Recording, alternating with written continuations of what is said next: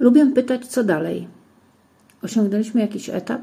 Coś się wydarzyło, co zupełnie zmieniło sytuację? To nigdy nie jest koniec, to zawsze wyzwanie, początek nowej drogi.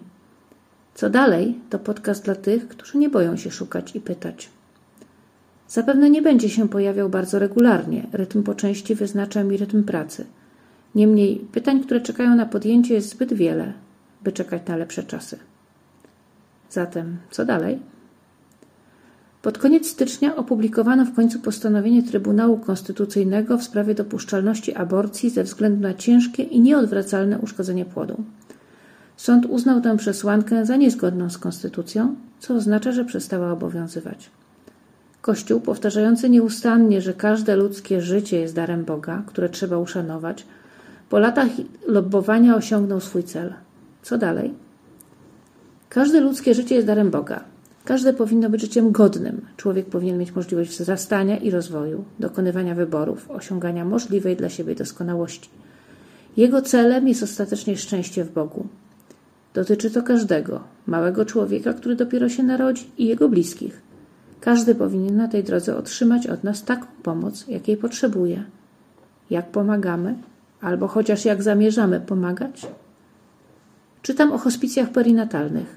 To świetna inicjatywa. Oby informacja, że coś takiego istnieje, była możliwie powszechna.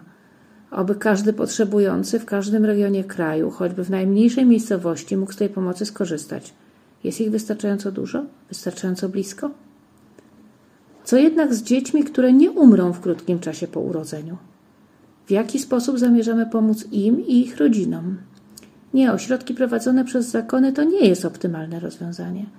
Ośrodek, choć bywa konieczny, zawsze jest jakimś dramatem.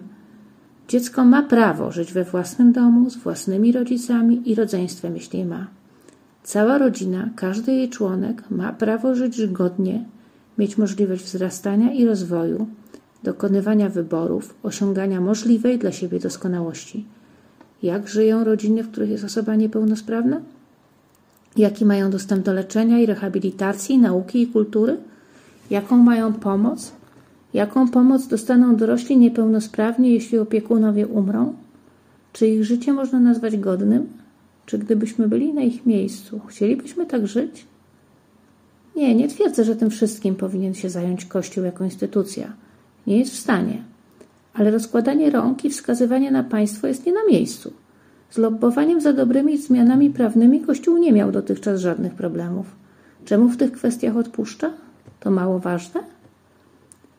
Obecna sytuacja jest wynikiem wieloletnich dramatycznych zaniechań, naszych zaniechań. Jeśli jeszcze teraz wystarczy nam zakaz, a dalej umyjemy ręce albo nalepimy na zbiorowe kościelne sumienie plasterki istniejących skądinąd wspaniałych inicjatyw, będziemy pośrednio winni każdej dramatycznej decyzji o zabiciu kolejnego dziecka. Bo umówmy się, nie jest żadnym problemem dokonanie aborcji w którymkolwiek z sąsiadujących z nami krajów. A cierpienie tych dzieci, które jednak się urodzą i ich rodzin, będzie każdego dnia przekonywało kolejnych ludzi, że tak żyć naprawdę nie warto. Tego chcemy?